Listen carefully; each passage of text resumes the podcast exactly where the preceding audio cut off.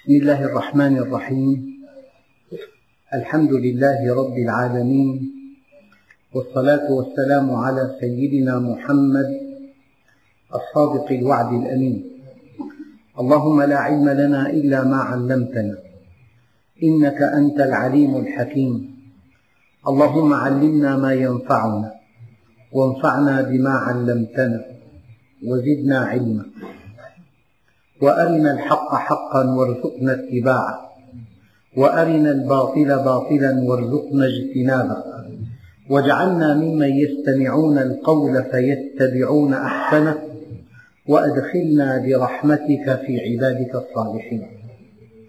أيها الإخوة الكرام مع الدرس الثلاثين من دروس سورة المائدة ومع الآية الثانية والستين وهي قوله تعالى لولا ينهاهم الربانيون والأحبار عن قولهم الإثم وأكلهم السحت لبئس ما كانوا يصنعون. وقبل هذه الآية وترى كثيرا منهم يسارعون في الإثم والعدوان وأكلهم السحت لبئس ما كانوا يعملون. أيها الإخوة كأن آية اليوم تشير إلى الدور الخطير التي أناطه الله بالعلماء والدعاة إليه. فالله عز وجل يقول لولا ولولا تفيد في اللغة الحظ لولا فعلت كذا أي افعل كذا. لولا ينهاهم الربانيون والأحبار. قال علماء التفسير الربانيون علماء النصارى والأحبار علماء اليهود. أو الربانيون المنسوب إلى الرب. فهذا الذي يدعو إلى الله منسوب إلى الله محسوب عليه. هذا الذي يدعو إلى الله يمثل وحي السماء يمثل كمال الإسلام يمثل العلم يمثل الورع. لذلك سيدنا علي يقول رضي الله عنه قوام الدين والدنيا أربعة رجال. قوام الدين والدنيا. أربعة رجال. عالم مستعمل علمه. يعني عالم يطبق علمه. وجاهل لا يستنكف أن يتعلم. وغني لا يبخل بماله. وفقير لا يبيع آخرته بدنياه. ما الذي يحصل؟ قال فإذا ضيع العالم علمه لم يستعمل علمه لم يطبق علمه. دعا إلى شيء وهو لا يطبقه. فإذا ضيع العالم علمه استنكف الجاهل أن يتعلم. صار هذا الإنسان أداة تنفير من الدين. لأنه تكلم شيئا وفعل شيئا آخر. هذا الإنسان يحمل الناس على أن يكفروا بالكلمة. يكفروا بالكلمة. الأنبياء بماذا جاءوا؟ جاءوا بالكلمة لم يأتوا لا بالبوارج ولا بالصواريخ ولا بالطائرات ولا بحاملات الطائرات ولا بالكمبيوتر جاء الأنبياء بكلمة صادقة فقلبوا وجه الأرض. لكن الكلمة حينما لا تكون صادقة يكفر الناس بها وهذا الذي حصل لذلك الخطاب الديني الآن في أكثر الأحايين لم يحقق أهدافه لأن الأنبياء حينما طبقوا ما قالوا قلبوا وجه الأرض. والذين ينقلون العلم للناس إذا لم يطبقوا حملوا الناس على أن يكفروا بالكلمة قال فإذا ضيع العالم علمه استنكف الجاهل أن يتعلم. وإذا بخل الغني بماله باع الفقير آخرته بدنيا غيره. الفقير كما قال سيدنا علي كرم الله وجهه كاد الفقر أن يكون كفرا. فالفقير حينما لا يجد حاجته ولا كرامته ولا يرى حقوقه يكفر بكل شيء. فيبيع نفسه للشيطان وهذا الذي يحصل. إذا البطولة لا أن أتصدر المجالس وأن ألقي المواعظ البطولة أن أكون مثلا أعلى. أن أطبق ما أقول. والحقيقة النطق سهل. يعني أي إنسان آتاه الله ذاكرة قوية وحافظة متينة وطلاقة لسان يبلغ ويتكلم. لكن أن تكون في مستوى ما تبلغ وأن تفعل ما تقول وأن تحقق ما تقول لتكون قدوة فهذا الذي يريده الله عز وجل. فلذلك الأنبياء العظام لهم مهمتان كبيرتان. المهمة الأولى أنهم قدوة والمهمة الثانية أنهم مبلغون لكن القدوة أبلغ من التبليغ. فالله عز وجل يقول لولا ينهاهم الربانيون. هؤلاء الربانيون المنسوبون إلى الله المحسوبون عليه الذين يمثلون وحي السماء يمثلون الكمال البشري. من هنا قال بعضهم الورع حسن لكن في العلماء أحسن. والتوبة حسن لكن في الشباب أحسن. والحياء حسن لكن في النساء أحسن. والصبر حسن لكن في الفقراء أحسن. والسخاء حسن لكن في الأغنياء أحسن. الأزمة الآن أزمة خطاب ديني. وكأن هذه الآية تتحدث عن دور الذين ينطقون بوحي السماء. عن دور الدعاة إلى الله. عن دور العلماء الذين حملهم الله أمانة التبيين. كان خليفة في موسم الحج والتقى مع أحد العلماء. قال له سلني حاجتك. قال له والله إني أستحي أن أسأل غير الله في بيت الله. فلما التقاه خارج المسجد قال له سلني حاجتك. قال له والله ما سألتها من يملكها أفأسألها من لا يملكها؟ فلما ألح عليه قال نجني من النار وأدخلني الجنة. قال له هذه ليست بيدي. قال له إذا ليس لي عندك حاجة. أرأيت إلى هذه العفة؟ الحسن البصري سئل بمن نلت هذا المقام؟ قال باستغنائي عن دنيا الناس وحاجتهم إلى علمي. فكيف إذا استغنى الأمراء عن علم العالم والعالم احتاج الأمراء في دنياه انتهت مهمته الله عز وجل يقول الذين يبلغون رسالات الله هؤلاء ما صفاتهم؟ لهم آلاف الصفات. أليس هذا المبلغ صادقا؟ طبعا صادق. أليس أمينا أمين؟ أليس مصليا مصلي أليس صائما صائم أليس ورعا ورع لماذا أغفل الله كل هذه الصفات ولم يذكرها؟ اكتفى بصفة واحدة. قال الذين يبلغون رسالات الله ويخشونه ولا يخشون أحدا إلا الله.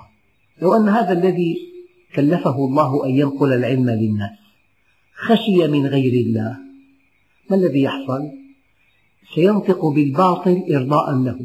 وسيسكت عن الحق خوفا منه. فماذا بقي من دعوته؟ انتهت دعوته. آية دقيقة جدا. الذين يبلغون رسالات الله ويخشونه ولا يخشون أحدا إلا الله. أبو جعفر المنصور قال لأبي حنيفة النعمان يا أبا حنيفة لو تغشيتنا. فقال له ولم أتغشاكم؟ وليس لي عندكم شيء أخافكم عليه. وهل يتغشاكم إلا من خافكم على شيء؟ إخوتنا الكرام لولا ينهاهم الربانيون. المشكلة الآن أن الشرع في هذا المستوى بمستوى عالي وأن الناس في مستوى متدني. الداعي أو العالم أمامه خياران إما أن يرفع الناس إلى مستوى الشرع وإما أن يهبط إليه. الحال الثاني أهون وأسهل بتوسع له قاعدته بشكل كبير جدا ويصير عالم العصر. وهذا الإنسان المرن الواقعي الحديث العصري. لكن على حساب أحكام الشرع هذه يجوز وهذه يجوز وهذه يجوز وهذه بلوى عامة وهذه في رأي ضعيف وهذه في رأي شاذ. فإما أن يهبط إلى الناس أو أن يرفع الناس إلى مستوى الشرع. إذا أراد أن يرفع الناس إلى مستوى الشرع لا يرتفع معه إلا قلة قليلة. أما إذا هبط إلى مستوى الناس يرى جماهير لا تعد ولا تحصى. هذه مشكلة موجودة في الأديان السماوية الثلاث فإما أن تتملق الناس وأن تفتي لهم بما يهوون وأن تقدم لهم الحلول التي لا ترضي الله ولكنها ترضي غرورهم أو ترضي شهواتهم. أو ترضي شبههم وإما أن تصر على موقف دقيق. أهم شيء في هذا الموضوع أن الدين توقيفي توقيفي. معنى توقيفي أنه لا يقبل التغيير ولا التعديل ولا التطوير ولا الزيادة ولا النقصان. لا يقبل هذا أبدا. لأنه توقيفي ولأنه من عند الله. لو كان من عند البشر البشر كماله نسبي. واطلاعه نسبي وفهمه نسبي ودائرته متعلقة بالواقع. أما لأنه من عند خالق البشر فكمال هذا الدين مطلق. لذلك أي حذف اتهام لهذا الدين بالزيادة؟ وأي إضافة اتهام لهذا الدين بالنقص؟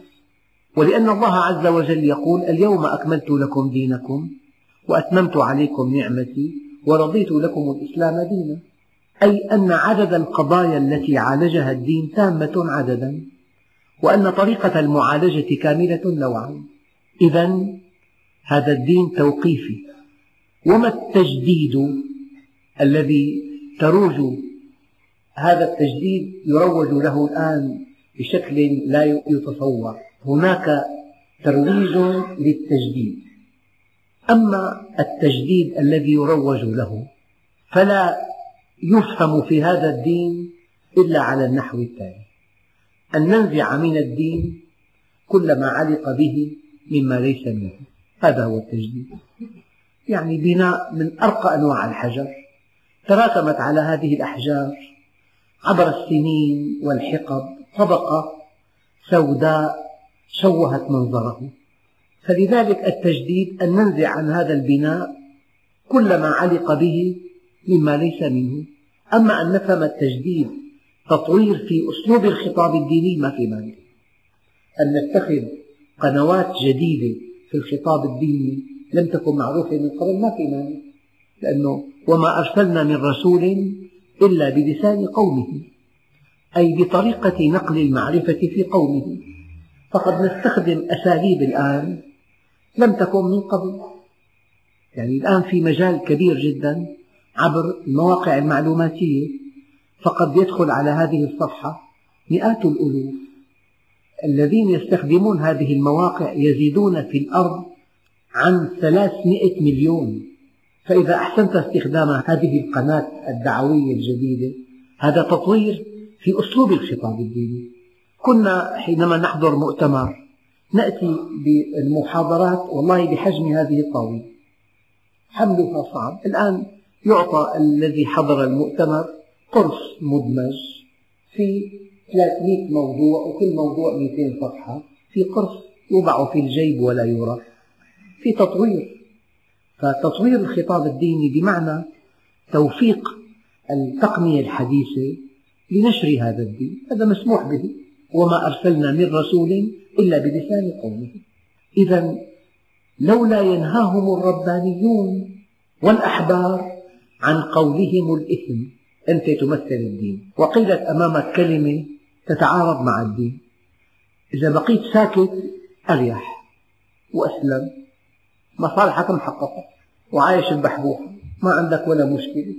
وإنسان تكلم وتحداك بكلام يتناقض مع الدين. وافقه أسلم. إذا النهي يحتاج إلى إرادة قوية يحتاج إلى تضحية يحتاج إلى ورع يحتاج إلى خوف من الله يحتاج إلى صدق يحتاج إلى جرأة يحتاج إلى شجاعة. لولا ينهاهم الربانيون والأحبار. معنى ذلك أن الناس يتكلمون بالاسم عن قولهم الاسم وأكلهم السحت. يعني في معاصي بالقول وفي معاصي باليد يأكلون مالا حراما هذه مسموح بها. تجد أعلى جهات دينية في بعض الأقطار العربية يفتون بأشد المعاصي حرمة وهي الربا. لا شيء عليك لو أودعت مالك في مؤسسة ربوية وتقاضيت الفائدة على أنها عائدة. عواض الفاء عين ولا شيء عليك. فإذا كان المعصية التي قال الله عنها فإن لم تنتهوا فأذنوا بحرب من الله ورسوله. إذا هذه المعصية التي تهدم مجتمعات لأن المجتمع البشري الله عز وجل شرع له أن يلد المال من الأعمال. وإذا ولد المال من الأعمال توزعت الكتلة النقدية في المجتمع على أكبر شريحة في المجتمع. عندئذ لا يكون المال دولة بين الأغنياء منكم. لئلا يكون دولة بين الأغنياء منكم. فإذا سمحنا للمال فقط أن يلد المال عن طريق الربا تجمعت الأموال في أيدي قليلة وحرمت منها الكثرة الكثيرة وتكاد تكون مشكلات أهل الأرض الآن مجتمعة في أن مليون لا يملكون واحدا وواحد يملك مليونا تسعين بالمئة من ثروات الأرض بيد عشرة بالمئة من سكان الأرض. تجد البذخ وإتلاف المال والإنفاق غير المعقول بمجتمعات وتجد القهر والفقر والحرمان بمجتمعات. أنا ذكرت لكم في الأسبوع الماضي أنني زرت بلدا في إفريقيا في جنوب إفريقيا. رأيت ما لا يصدق. لا طعام ولا شراب ولا كساء ولا صحة ولا تعليم ولا أدوات ولا شيء ولا ثياب تستر عوراته. ومجتمع آخر ما يأكله الكلاب في هذا المجتمع لا يأكله شعب كبير في آسيا. 900 مليون. هذا التفاوت حينما يلد المال المال تتجمع الأموال في أيد قليلة. وتحرم منها الكثرة الكثيرة. فكل ما يجري في العالم من عنف الآن يعني بشكل أو بآخر يمكن أن يفسر من خلال هذه المقولة. وقد عبر عنها الإمام علي رضي الله عنه كاد الفقر أن يكون كفرا والإنسان حينما تعطيه رغيف خبزه وحينما تعطيه كرامته تأخذ منه كل شيء. والنفس إذا أحرزت قوتها اطمأنت والمال قوام الحياة فإذا كان في مجتمع ما كتلة نقدية ينبغي أن تكون متداولة بين أكبر شريحة من شرائح المجتمع فحينما تأتي مراتب دينية عالية جدا وتفتي بأكبر معصية في المجتمع بتغيير كلمات وألفاظ ماذا نقول؟ نقول لولا ينهاهم الربانيون والأحبار عن قولهم الإثم. كم إنسان ينقل مقولات ما لا أصل في الدين. عقيدة زائغة ينقل مقولات تتناقض مع كلام الله عز وجل ومع كلام رسوله. وتروج وفي محاضرات دينية أحيانا أن ينطق الذي وكله الله بالدعوة إليه أن ينطق بالباطل أو أن يسكت عن الحق. أو أن يتغاضى عن أكل مال حرام قد تدخل إلى معبد لا تجد فيه إلا الغناء والموسيقى. وقد تدخل لمعبد ولا تجد المرأة محتشمة إطلاقا. ما الفرق بين الشارع والمعبد؟ لا بد أن يكون في فرق. لذلك لولا ينهاهم الربانيون والأحبار. أقول لكم أيها الإخوة أنت حينما تسكت تسلم لو شاهدت المعاصي على قارعة الطريق. طيب لو أنه مسلم زارته بنت أخيه وكانت في ثياب فاضحة فاستقبلها ورحب بها وسأل عن صحتها وعن دراستها وعن مستقبلها وأثنى عليها وعلى جمالها. هذا ماذا فعل؟ هذا أعطى المنكر دعم عزز المنكر. لولا ينهاهم الربانيون والأحبار نريد ما عندنا دعونا من عند غيرنا ما عندنا. الذي وكله الله بنقل هذا العلم ينبغي أن يكون ورعا ينبغي ألا ينافق ينبغي ألا يقول قولا يثير حوله جدلا كبيرا. يعني مثلا عقد قران يأتي إنسان يلقي كلمة فليثني على هاتين الأسرتين ثناء غير معقول. أنا أذكر مرة أن عقد قران عقد في مكان عام والذين تكلموا أثنوا على الأسرتين الدمشقيتين العريقتين التقيتين الورعتين. هذا عقد القران. العرس كان بفندق. وزعت الخمور وجيء بالراقصات. والنساء شبه عرايا. هاتان الأسرتان العريقتان الدمشقيتان الورعتان الدقيتان أين مكانة العلم؟ انتهت مكانة العلم. لولا ينهاهم الربانيون والأحبار. المديح بلا طائل بلا ثمن بسرعة من دون تحقق. إن الله ليغضب إذا مدح الفاسق. إنك إذا مدحته اضطرب الناس. لو إنسان لا يصلي يشرب الخمر. وقلت لشخص أمامك أمام أولادك لبق لطيف عنده خبرات عالية بالحياة. فهيم يا أخي ابنك رآه يشرب الخمر وهو فهيم يقترف المعاصي وهو ذو خبرة عالية بالحياة اضطرب ابنك لذلك إن الله لا يغضب إذا مدح الفاسق لولا ينهاهم الربانيون والأحبار. لماذا أكثر الله من الحديث عن أهل الكتاب في القرآن الكريم؟ لأن كل الأمراض التي وقعوا فيها نحن مرشحون أن نقع فيها وقد وقعنا فيها. ما سبب هلاك بني إسرائيل؟ كانوا لا يتناهون عن منكر فعلوه. ما سبب هلاك بني إسرائيل؟ أنهم كانوا إذا سرق فيهم الشريف تركوه وإذا سرق فيهم الضعيف أقاموا عليه الحد. ما سبب هلاك بني إسرائيل؟ اذهب أنت وربك فقاتلا إنها هنا قاعدون. كل واحد جالس مرتاح لا ينتقد لا يأمر بالمعروف لا ينهى عن المنكر يجامل إلى درجة النفاق. مصالحه محققة ومكانته كبيرة. وله حوله هالة كبيرة جدا. وما في داعي يغامر بمكانته مرض. لولا ينهاهم الربانيون والأحبار عن قولهم الإثم. تتكلم كلام ما له أصل تدرس بمدرسة أن الإنسان أصله قرد وين صفي آدم وحواء؟ التغى القرآن بهالطريقة. تألف موسوعات علمية الإنسان الحجري. أنه إنسان حجري. البشرية بدأت بنبي كريم. بهالطريقة هي ألغيت كل الأديان بهالطريقة لولا ينهاهم الربانيون والأحبار عن قولهم الإثم. قول لا يتطابق مع الواقع والواقع القديم من أعلمنا عنه ربنا. الله عز وجل قال ما أشهدتهم خلق السماوات والأرض. حينما تقول الإنسان بدأ بإنسان حجري متوحش وكان أصله قرد. يعني أنت كنت وقتها لكنك تردد كالببغاء ما قيل لك. يقول ما قال له كما تقول الببغاء. ما كنت وقتها أنت. لكنني قد أفاجئكم الآن أنني آمنت أخيرا بهذه النظرية. لكنها معكوسة كان إنسانا فصار قردا. مسخ إلى قرد. لأن همه بطنه وفرجه. هذا هو القرد. شكله شكل إنسان الإنسان حينما ينسى سبب وجوده وينسى غاية وجوده وينسى أنه المخلوق الأول وأنه خلق ليعرف الله. حينما يصبح همه بطنه وفرجه وشهوته يمسخ قردا وخنزيرا. القرد همه بطنه والخنزير همه فرجه.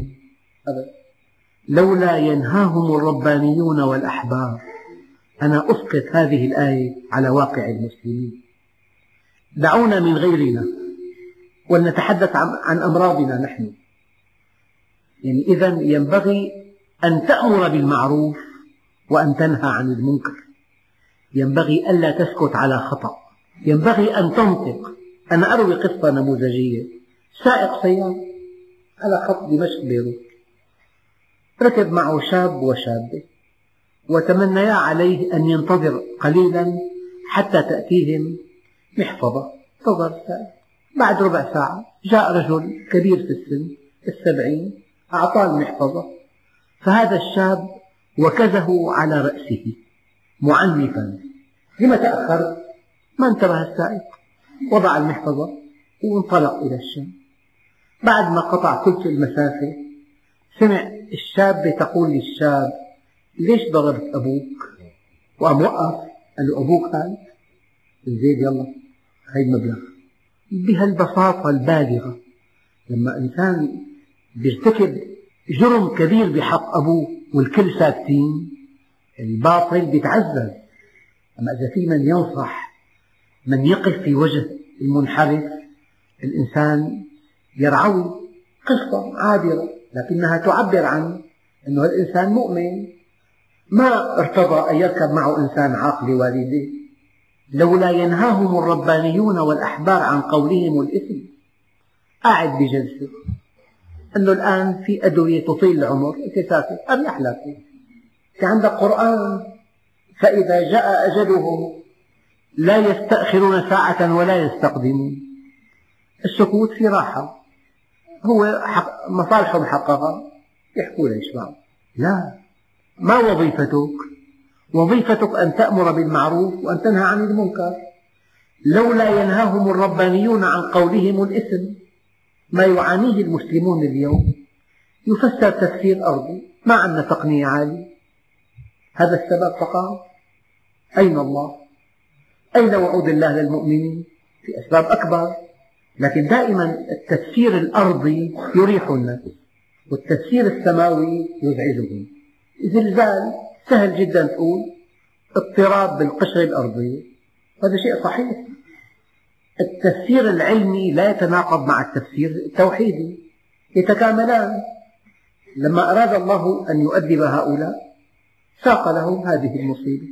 أما هي أساسا اضطراب بالقشرة الأرضية. فكلما أردت أن تصف حال المسلمين اليوم بتخلفهم علميا وتقنيا هذا الشيء ما بيكفي الله وعد المؤمنين. وكان حقا علينا نصر المؤمنين. أيام تستمع إلى طروحات غير صحيحة وغير مقبولة.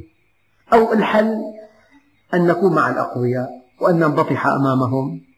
هذا حل كمان عالم يجلس في مجلس يتكلم كلام. والله أنا كنت في سفر وفي جلسة هيك طرحت ما تعانيه الأمة الإسلامية من ضغوط ومن قهر ومن قتل ومن تدمير ومن تحديات الأشياء الآن لا تحتمل.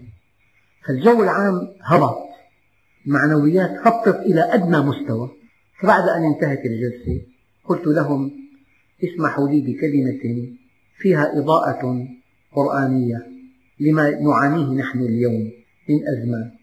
قلت لهم إن ما يعانيه المسلمون اليوم من أزمات ما هي إلا رسالة من الله للمسلمين كي يغيروا ما بأنفسهم حتى يغير الله ما بهم.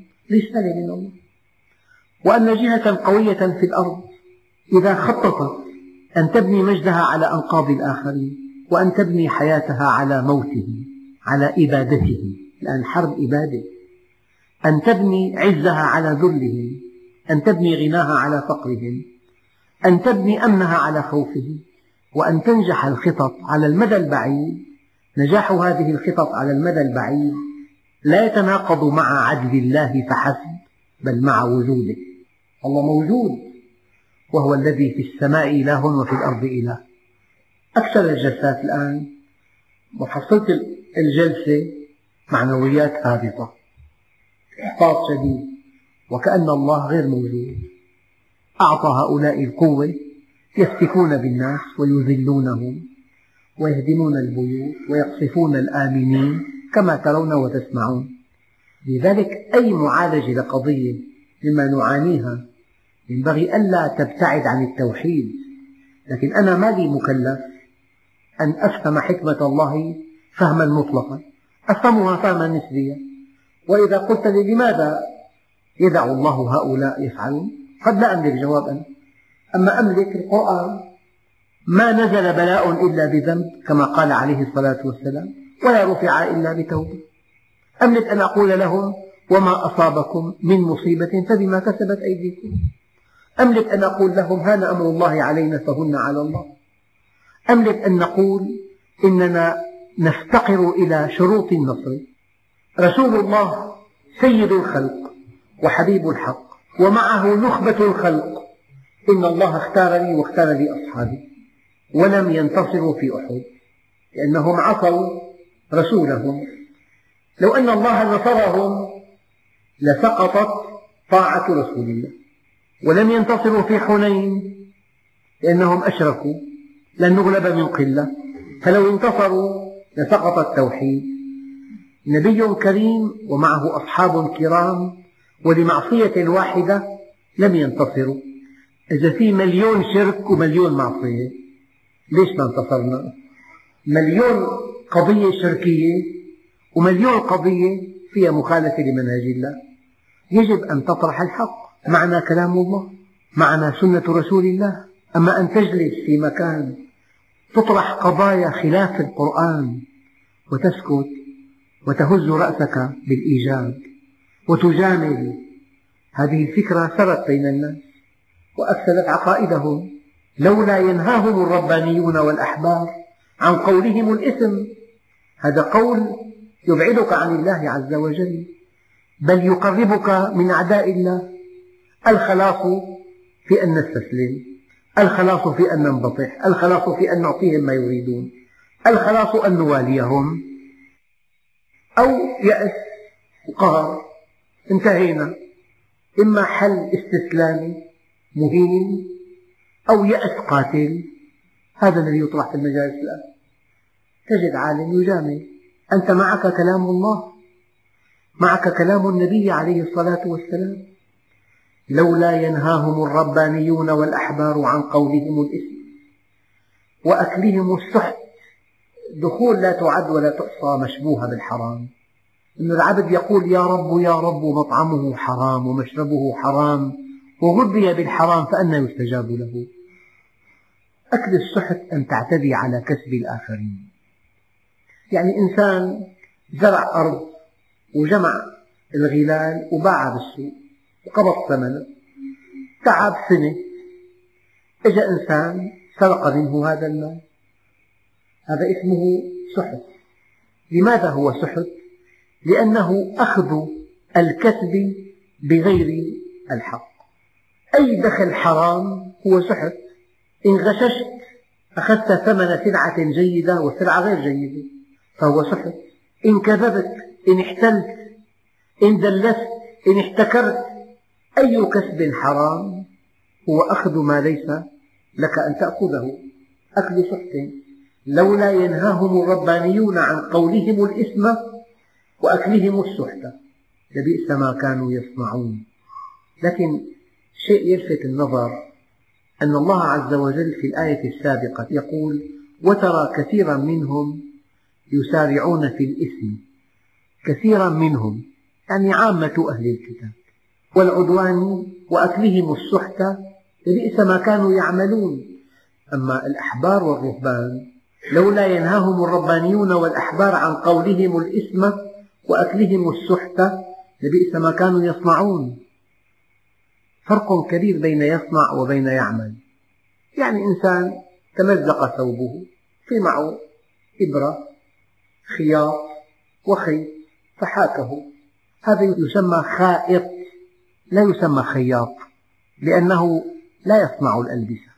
أما الذي حرفته صنع الألبسة يقال له خياط.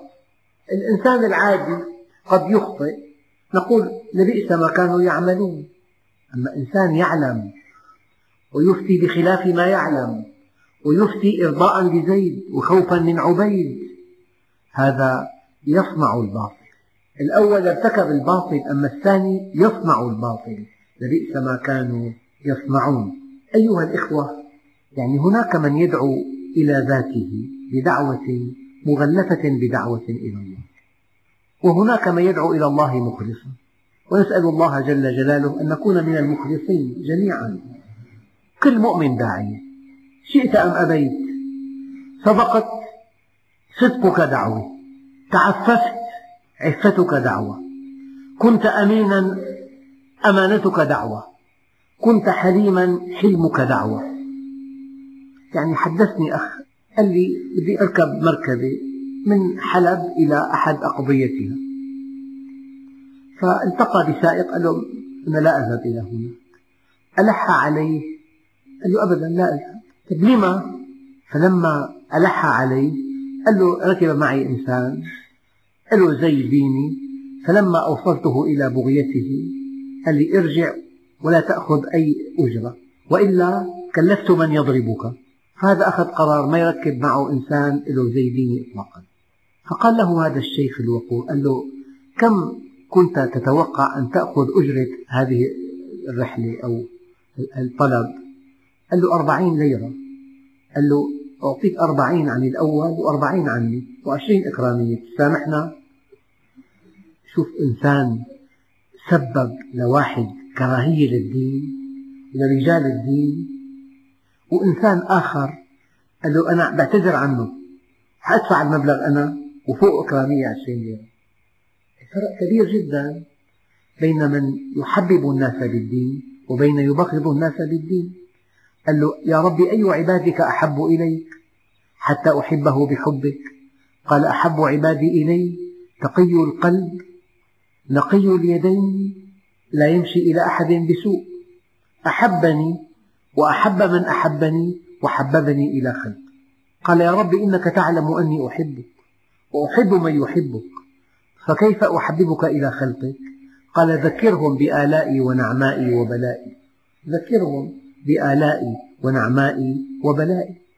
إذا الدعوة إلى الله الخالصة من لوازمها الاتباع من لوازمها التعاون لا التنافس من لوازمها الاعتراف بفضل الآخرين. أما الدعوة إلى الذات المغلفة بدعوة إلى الله من لوازمها الابتداع. أن تأتي بشيء ما جاء به القرآن ولم تأتي به سنة النبي العدنان.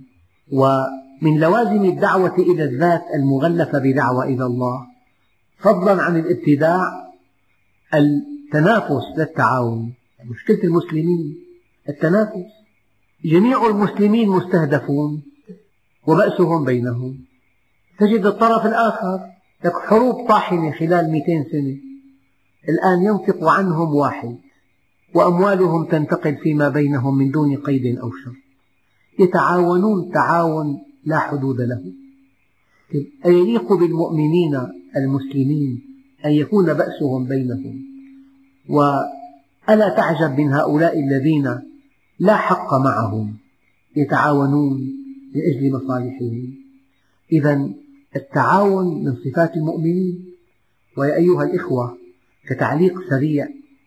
الإنسان كما كنت أقول دائما معه طبع ومعه تكليف. له طبع ومعه تكليف. له طبع ومعه تكليف. ولحكمة أرادها الله عز وجل الطبع يتناقض مع التكليف. فإذا كان من لوازم الطبع أن تأخذ المال من بديهيات التكليف أن تنفقه. وإذا كان من لوازم الطبع أن تملأ عينيك من محاسن النساء من لوازم التكليف أن تغض البصر. وإذا كان من لوازم الطبع أن تبقى نائما حتى ترتاح من لوازم التكليف أن تستيقظ. وإذا كان من لوازم الطبع أن تخوض في فضائح الآخرين من لوازم التكليف أن تصمت ومن طبع الإنسان أنه فردي والتكليف تعاوني. فأنت تتعاون مع الآخرين بقدر طاعتك لله وتتنافس معهم بقدرك بعدك عن الله. فحيثما وجدت أناسا متخاصمين متباغضين متناحرين بأسهم بينهم فاعلم أنهم بعيدون عن الله عز وجل. وأوضح ما يقال الآن ما تواد اثنان في الله ففرق بينهما إلا بذنب أصابه أحدهما. على مستوى فردي على مستوى جماعي فنسوا حظا مما ذكروا به فأغرينا بينهم العداوة والبغضاء إلى يوم القيامة. أما المؤمنون متعاونون بعضهم لبعض نصحة متوادون ولو ابتعدت منازلهم والمنافقون بعضهم لبعض غششة متحاسدون ولو اقتربت منازلهم. إذا الله عز وجل يأمرنا بالتعاون والطبع تناقضه مع التكليف هو ثمن الجنة. أيها الإخوة لا بد من أن أختم هذا الموضوع المتعلق بالدعوة والدعاء بأن الدعوة إلى الله فرض عين على كل مسلم. أعيد وأكرر الدعوة إلى الله فرض عين على كل مسلم. بدليل قول الله عز وجل والعصر إن الإنسان لفي خسر إلا الذين آمنوا وعملوا الصالحات وتواصوا بالحق وتواصوا بالصبر. فالتواصي بالحق ربع النجاة وأحد أركان النجاة. إذا هي فرض عين. الدليل الآخر قل هذه سبيلي أدعو إلى الله على بصيرة أنا ومن اتبعني. فإن لم تدعو إلى الله على بصيرة أنت لا تتبع رسول الله. والذي لا يتبع النبي لا يحب الله. قل إن كنتم تحبون الله فاتبعوني يحببكم الله ويغفر لكم. ولكن الدعوة إلى الله كفرض عين في حدود ما تعلم ومع من تعرف. وأقول لكم أيها الإخوة أنت حينما تطبق ما تقول وتخلص فيما تقول يهبك الله قوة تأثير لا حدود له. حينما تطبق ما تقول وتخلص فيما تقول التطبيق والإخلاص. والآن الإسلام يحتاج إلى تطبيق لا يحتاج إلى كتاب يتحدث عن الإسلام. في كتب تتحدث عن الإسلام لا تعد ولا تحصى لكن الناس يحتاجون إلى مسلم يرونه بأعينهم يتحرك أمامهم إن تكلم فهو صادق وإن عاملك فهو أمين وإن استثير شهوته فهو عفيف. لذلك أنت داعية شئت أم أبيت؟ أنت داعية ولو كنت صامتا وقد يكون الصامت أبلغ في دعوته من الناطق هناك دعوة صامتة أساسها أخلاق الإسلام وهناك دعوة ناطقة أساسها الفصاحة والبيان. ذكرت قصة قبل فترة ذكرتها مرات عديدة وذكرتها في سفرتي هذه. أن هذا الإمام اللي كان بلندن ونقل إلى ظاهر لندن واضطر أن يركب مركبة كل يوم وأن يلتقي مع السائق كل يوم. في أحد المرات أعطى السائق ورقة نقدية كبيرة. رد له البقية. عدها. فإذا هي تزيد عشرين سنت عما يستحقه. لأنه مسلم ولأنه ورع ولأنه تقي ونقي ويحب الحق ولا يقبل أن يأكل مالا حراما. قال ينبغي أن أعيد المبلغ إلى السائق. جاءه خاطر. أن شركة عملاقة ودخل فلكي والمبلغ زهيد جدا. أنا بحاجة إليه. ولعل هذا المبلغ هبة من الله. ساقه. خاطر غير صحيح. شيطاني لكن الذي حصل أنه قبيل أن ينزل من المركبة دون أن يشعر مد يده إلى جيبه وأعطى السائق العشرين سنة. قال زيادة أعطى السائق. فقال له السائق ألست إمام هذا المسجد؟ قال له بلى. قال له والله حدثت نفسي قبل يومين أن أزورك في هذا المسجد لأتعبد الله. ولكنني أردت أن أمتحنك. قال يا رب كدت أبيع الإسلام بعشرين سنة. كدت أبيع الإسلام كله بعشرين سنة. أنت حينما تصدق أكبر داعية وحينما تتقن عملك أكبر داعية وحينما لا تغش الناس أكبر داعية وحينما تكون أمينا أكبر داعية نحن الآن بحاجة إلى مسلم متحرك نراه بأعيننا. الكتب لا تؤثر الآن. الذي يؤثر إنسان متحرك. كيف أن القرآن كون ناطق؟ وكيف أن الكون قرآن صامت؟ وكيف أن النبي عليه الصلاة والسلام قرآن يمشي؟ الآن المسلمون في أشد الحاجة إلى مسلم مطبق يرونه رأي العين. قلت لكم مرة إنسان محسن في هذه البلدة. أراد أن ينشئ مسجدا لوجه الله تعالى في منطقة ليس فيها مسجد إطلاقا. كلف أحد أخواننا الكرام هذا الأخ وجد أرض مناسبة جدا وسعرها مناسب جدا فبلغ المحسن فجاء المحسن ليرى الأرض وليدفع الدفعة الأولى. الأرض مناسبة مساحتها مناسبة شكلها مناسب سعرها مناسب. فالمحسن الكبير وقع شيكا لصاحب الأرض بنصف ثمن الأرض. صاحب الأرض مستخدم في مدرسة راتبه أربعة آلاف ليرة عنده ثمان أولاد. فقير جدا هذه الأرض ورثها قبل شهر وثمنها أربعة ملايين تقريبا. فسطر له شيك بمليونين فقال صاحب الأرض للمحسن أين بقية الثمن؟ قال له عند التنازل. قال له التنازل لمن؟ قال له للأوقاف. قال له لماذا للأوقاف؟ قال له هذه مسجد سوف تكون قال له مسجد؟ أمسك بالشك ومزقه. قال له والله أستحي من الله أن أبيع أرضا تكون مسجدا. أنا أولى منك أن أقدمها إلى الله. يقول هذا المحسن والآن مريض شفاه الله. يقول والله ما صغرت في حياتي كما صغرت أمام هذا الإنسان. يعني إذا معه 200 مليون ودفع مليون ما صار مليونين. أما هذا أربعة آلاف راتبه عنده اثنين أولاد لا يملك في الدنيا إلا ثمن هذه الأرض استحى من الله أن يبيعها كي تكون مسجدا. فالآن يا أخوان اللي بيهز الناس موقف أخلاقي. أمانة صدق حلم إتقان عمل نصح. هذا الذي يعيد للمسلمين مصداقيتهم والحمد لله رب العالمين.